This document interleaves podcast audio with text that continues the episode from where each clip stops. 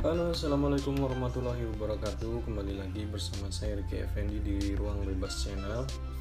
Kali ini kita akan sama-sama membaca atau membedah buku yang berjudul Execution menyingkap rahasia sukses 12 perusahaan dalam eksekusi strategi dan memenangi persaingan bisnis. Nah, buku ini adalah karangan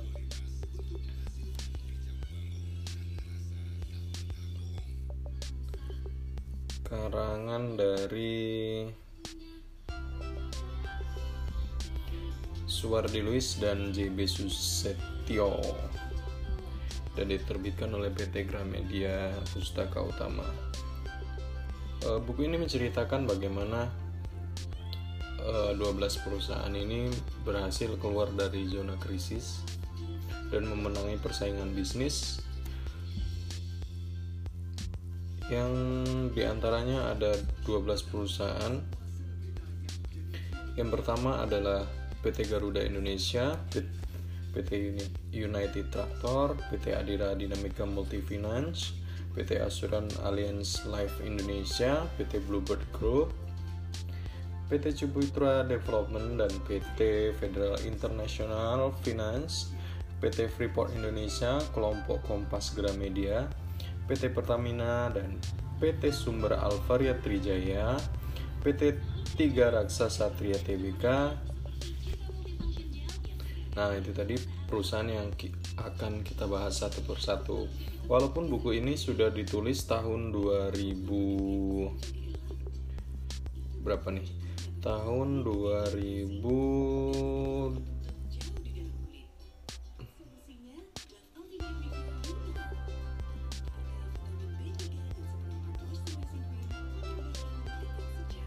tidak tertulis tahun 2013 dan data-data yang disajikan dalam buku ini sebenarnya agak terbilang cukup lama yaitu antara tahun 2000 sampai 2010-an nah ini sudah ber apa namanya sudah expired ya walaupun isinya tetap tetap relevan untuk kita baca sampai saat ini dan bisa menjadi acuan kita untuk uh, tetap bertindak kreatif di di mana pun kita berada. Kalau kita saat ini bekerja di perusahaan, mungkin itu bisa menjadi wawasan bagi kita semua untuk uh, bagaimana bekerja dengan pondasi yang benar.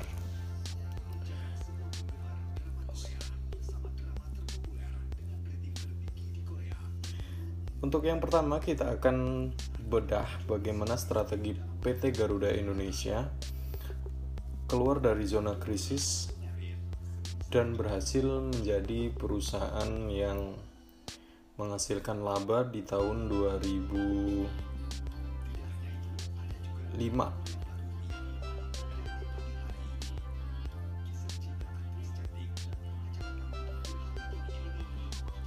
Nah, buku ini juga di dalamnya uh, menjelaskan sebuah pengantar yang berjudul Reinvention dan Execution dan judulnya kurva sigmoid.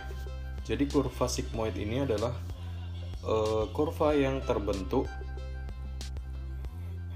ketika perusahaan sudah berada di puncak dan perusahaan sudah mengalami uh, depresi atau declining atau sudah melewati masa maturity di mana kita tahu bahwa siklus bisnis perusahaan itu biasanya dimulai dari development, introduction, growth, maturity dan decline. Nah, ketika berada di fase decline, biasanya perusahaan harus uh, menerapkan strategi baru supaya perusahaan itu nggak decline. Jadi dia akan menciptakan kurva yang baru supaya kurva itu tetap menanjak. Nah, kurva ini dinamakan dengan kurva sigmoid. Nah, dalam buku ini juga dijelaskan bagaimana caranya untuk mencapai kurva sigmoid itu. Nah, di antaranya adalah bagaimana mengintervensi perusahaan itu merubah sedemikian rupa dengan strategi-strategi yang kekinian atau dalam artian yang relevan dengan kondisi market yang ada. Si penulis juga menceritakan uh, sebuah riset di mana bagaimana beberapa perusahaan itu gagal mengantisipasi strategi atau mengimplementasikan strateginya di pasar persaingan bisnis. Nah, ini ada lima alasan utama kegagalan eksekusi strategi di Indonesia. Yang pertama, tidak adanya suatu unik unit atau yang mau fasilitasi pembuatan strategi atau pemanfaatan implementasinya. Nah, ini dari seluruh koresponden itu ada 40,8% yang menyatakan eh, alasan utama kegagalan eksekusi strategi. Yang kedua, tidak terdapat proses yang baku dalam memastikan bahwa strategi atau target program kerja unit kerja baik divisi maupun departemen diselaras, diselaraskan dengan unit kerja yang lain. Kemudian yang ketiga tidak ada arahan yang jelas dan menginspirasi untuk strategi ke depan dari eksekutif manajemen. Yang keempat, tidak terdapat sistem reward dan non-reward yang jelas kepada karyawan yang berkinerja tinggi dibanding mereka yang berkinerja rendah.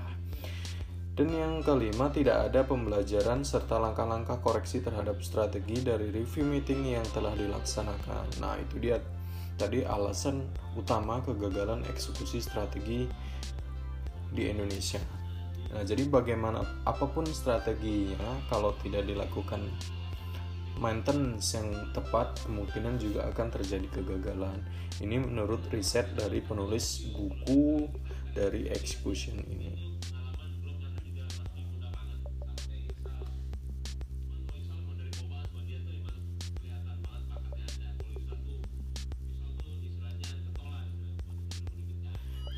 Untuk yang pertama adalah perusahaan Garuda Indonesia. Kita mau bedah nih bagaimana Garuda eh, lompatan kuantum sang Garuda. Garuda sendiri adalah pesawat atau industri perusahaan penerbangan yang dimiliki oleh Indonesia yang pada mulanya eh, merupakan pesawat KML KLM yang diserahkan Indonesia yang waktu itu di uh, apa namanya dikelola oleh perusahaan Belanda. Nah, waktu itu Dr. Koenigsburg menghadap Soekarno menanyakan apa nama baru pesawat yang nanti akan dipakai membawa Soekarno terbang ke Yogyakarta dari Jakarta ke Yogyakarta guna dilantik menjadi presiden. Nah, pesawat ini juga yang menerbangkan Soekarno pertama kali ketika akan dilantik menjadi presiden. Nah, Soekarno pun menjawab dengan sebuah uh, apa namanya ya kalimat yang isinya begini: Akulah Garuda, burung milik Wisnu yang membentangkan sayapnya menjulang tinggi di atas kepulauanmu. Nah dari situ kemudian si Connie Jenburg ini mengecap pesawat itu dengan nama Garuda Indonesia pada tahun pada tanggal 28 Desember 1409 terjadilah penerbangan yang bersejarah. Pesawat milik KLM ini diganti nama menjadi Garuda Indonesia dan mengudara membawa Soekarno dari Yogyakarta ke Bandara Kemayoran Jakarta. Nah, sejak saat itu Garuda menjadi maskapai Indonesia yang awalnya di, diberi nama dengan Indonesian Airways. Dan itu adalah sumbangan. Jadi ini ada info yang unik. Ternyata Garuda Indonesia itu adalah awalnya merupakan sumbangan dari masyarakat Aceh berupa eh, pengumpulan 20 kg emas atau sekitar 120 ringgit Malaysia untuk membeli pesawat yang kemudian dinamai dengan Selawah artinya gunung emas nah itu dia sejarahnya Garuda mulai berbenah pada tahun 2005 seiring dengan penunjukan manajemen baru yang dipimpin oleh Emir Syah Syatar sebagai presiden dan CEO. Mereka berfokus pada layanan full service. Hasilnya pada tahun 2007 Garuda tak lagi merugi. Nah, ini dia. Setahun-tahun sebelumnya Garuda itu walaupun perusahaan ini perusahaan milik negara, ternyata perusahaan itu tidak pernah mencatatkan keuntungan. Baru pada tahun 2005 setelah adanya perombakan eh, Garuda bisa mencatatkan keuntungan. Sehingga pada akhirnya tahun 2019 Garuda go public di Bursa Efek Indonesia dengan menawarkan 2,47 miliar saham seharga 750 per saham eh, langkah IPO ini selain guna memperkuat permodalan juga untuk meningkatkan kinerja good corporate good corporate governance. Selain menggarap layanan full service melalui anak usahanya, Citylink Garuda mulai menekuni pula penerbangan LCC waktu itu ya. Citylink kemudian di spin off pada 30 Juli 2012 memulai operasinya dengan 5 pesawat. Citylink telah mendapat izin untuk 70 rute domestik dan 16 rute regional yaitu ke negara-negara ASEAN dan utara Australia. Dengan aksi dan strateginya tersebut pada 2011 Garuda berhasil menguasai pangsa 28,3% persen untuk pasar domestik dan 22,2% untuk internasional. Nah, strategi Garuda sendiri merubah eh, model layanan atau strategi invention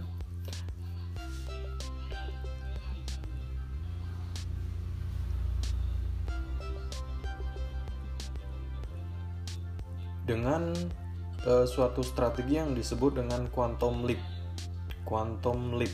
Nah, ada sejumlah target yang dipatok Garuda Indonesia dalam program Quantum Leap ini salah satunya adalah mereka menargetkan perolehan laba bersih 5,5 triliun pada puncak program yaitu pada tahun 2015.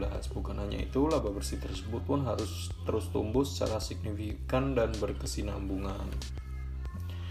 Meskipun banyak sekali tantangan ya yang di uh, hadapi Garuda ini pada akhirnya Garuda juga berhasil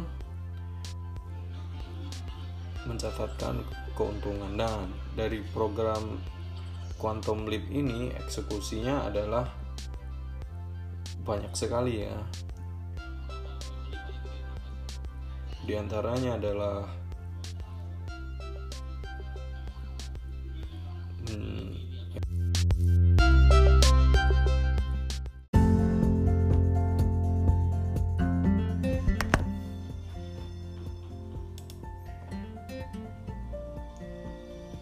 guys, kita mau jalan-jalan nih gelinding sore dalam meriam karpet raksasa Dek Pontianak.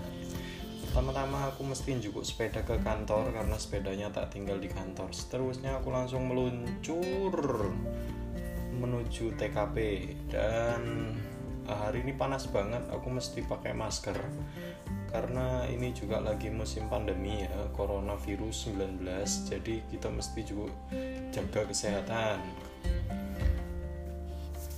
Karena kalau kita udah capek-capek uh, goes nih ternyata nanti ada yang bersin di jalan terus wah nyiprat ke kita kita hirup wah kita bisa tertular guys.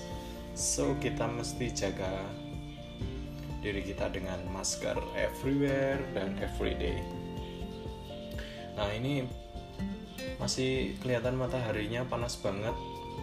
Aku rencananya mau masuk ke alun-alun Kapuas ngeliat pemandangan pantai bukan pantai sih tepian sungai Kapuas.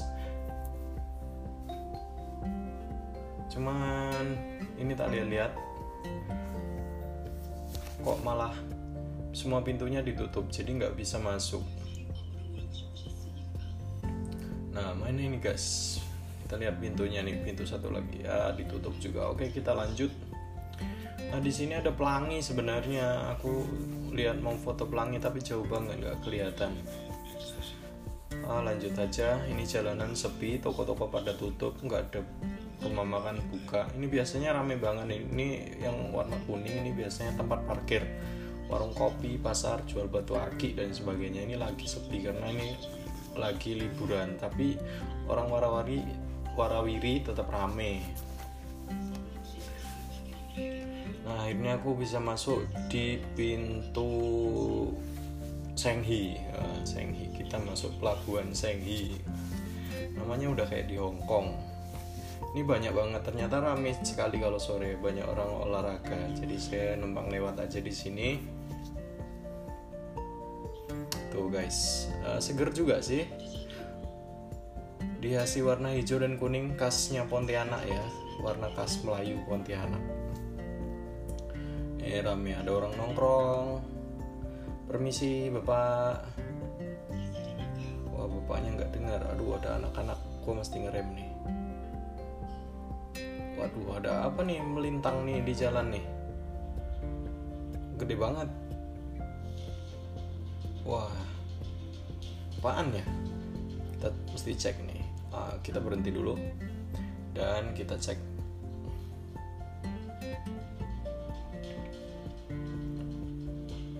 Ini agak sepi ya di sini di tengah nih. Kita foto-foto dulu. Uh, setelah gue cek ternyata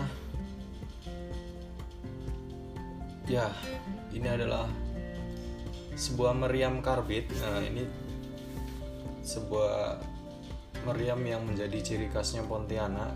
Ini kalau kalau nggak lagi pandemi ini biasanya rame nih banyak ada ratusan uh, meriam. Biasanya dimainin ketika uh, malam takbiran. Tapi karena ini lagi pandemi covid-19 jadi ini mungkin sebagai simbolis saja karena jumlahnya nggak banyak. Kita lihat sekitar 5 atau 6 biji aja di sepanjang uh, pesisir sungai eh pesisir pinggiran sungai Kapuas oke kita lanjut. Lanjut lanjut. Waduh. Ini pada nongkrong sore asik juga nih ngobrol. Eh ada bapak pusat di tepi jalan nggak pakai baju. Oke mantap pak. Akhirnya kita sampai di ujung kita nggak bisa lewat lagi dan kita harus muter. Sebenarnya di sini gue ada video baliknya cuman ini nggak kerekam jadi so cukup sampai di sini. Dan ini karena gue pakai versi gratisnya relief jadi gue promoin ya relief. Terima kasih sudah menonton jangan lupa subscribe like dan share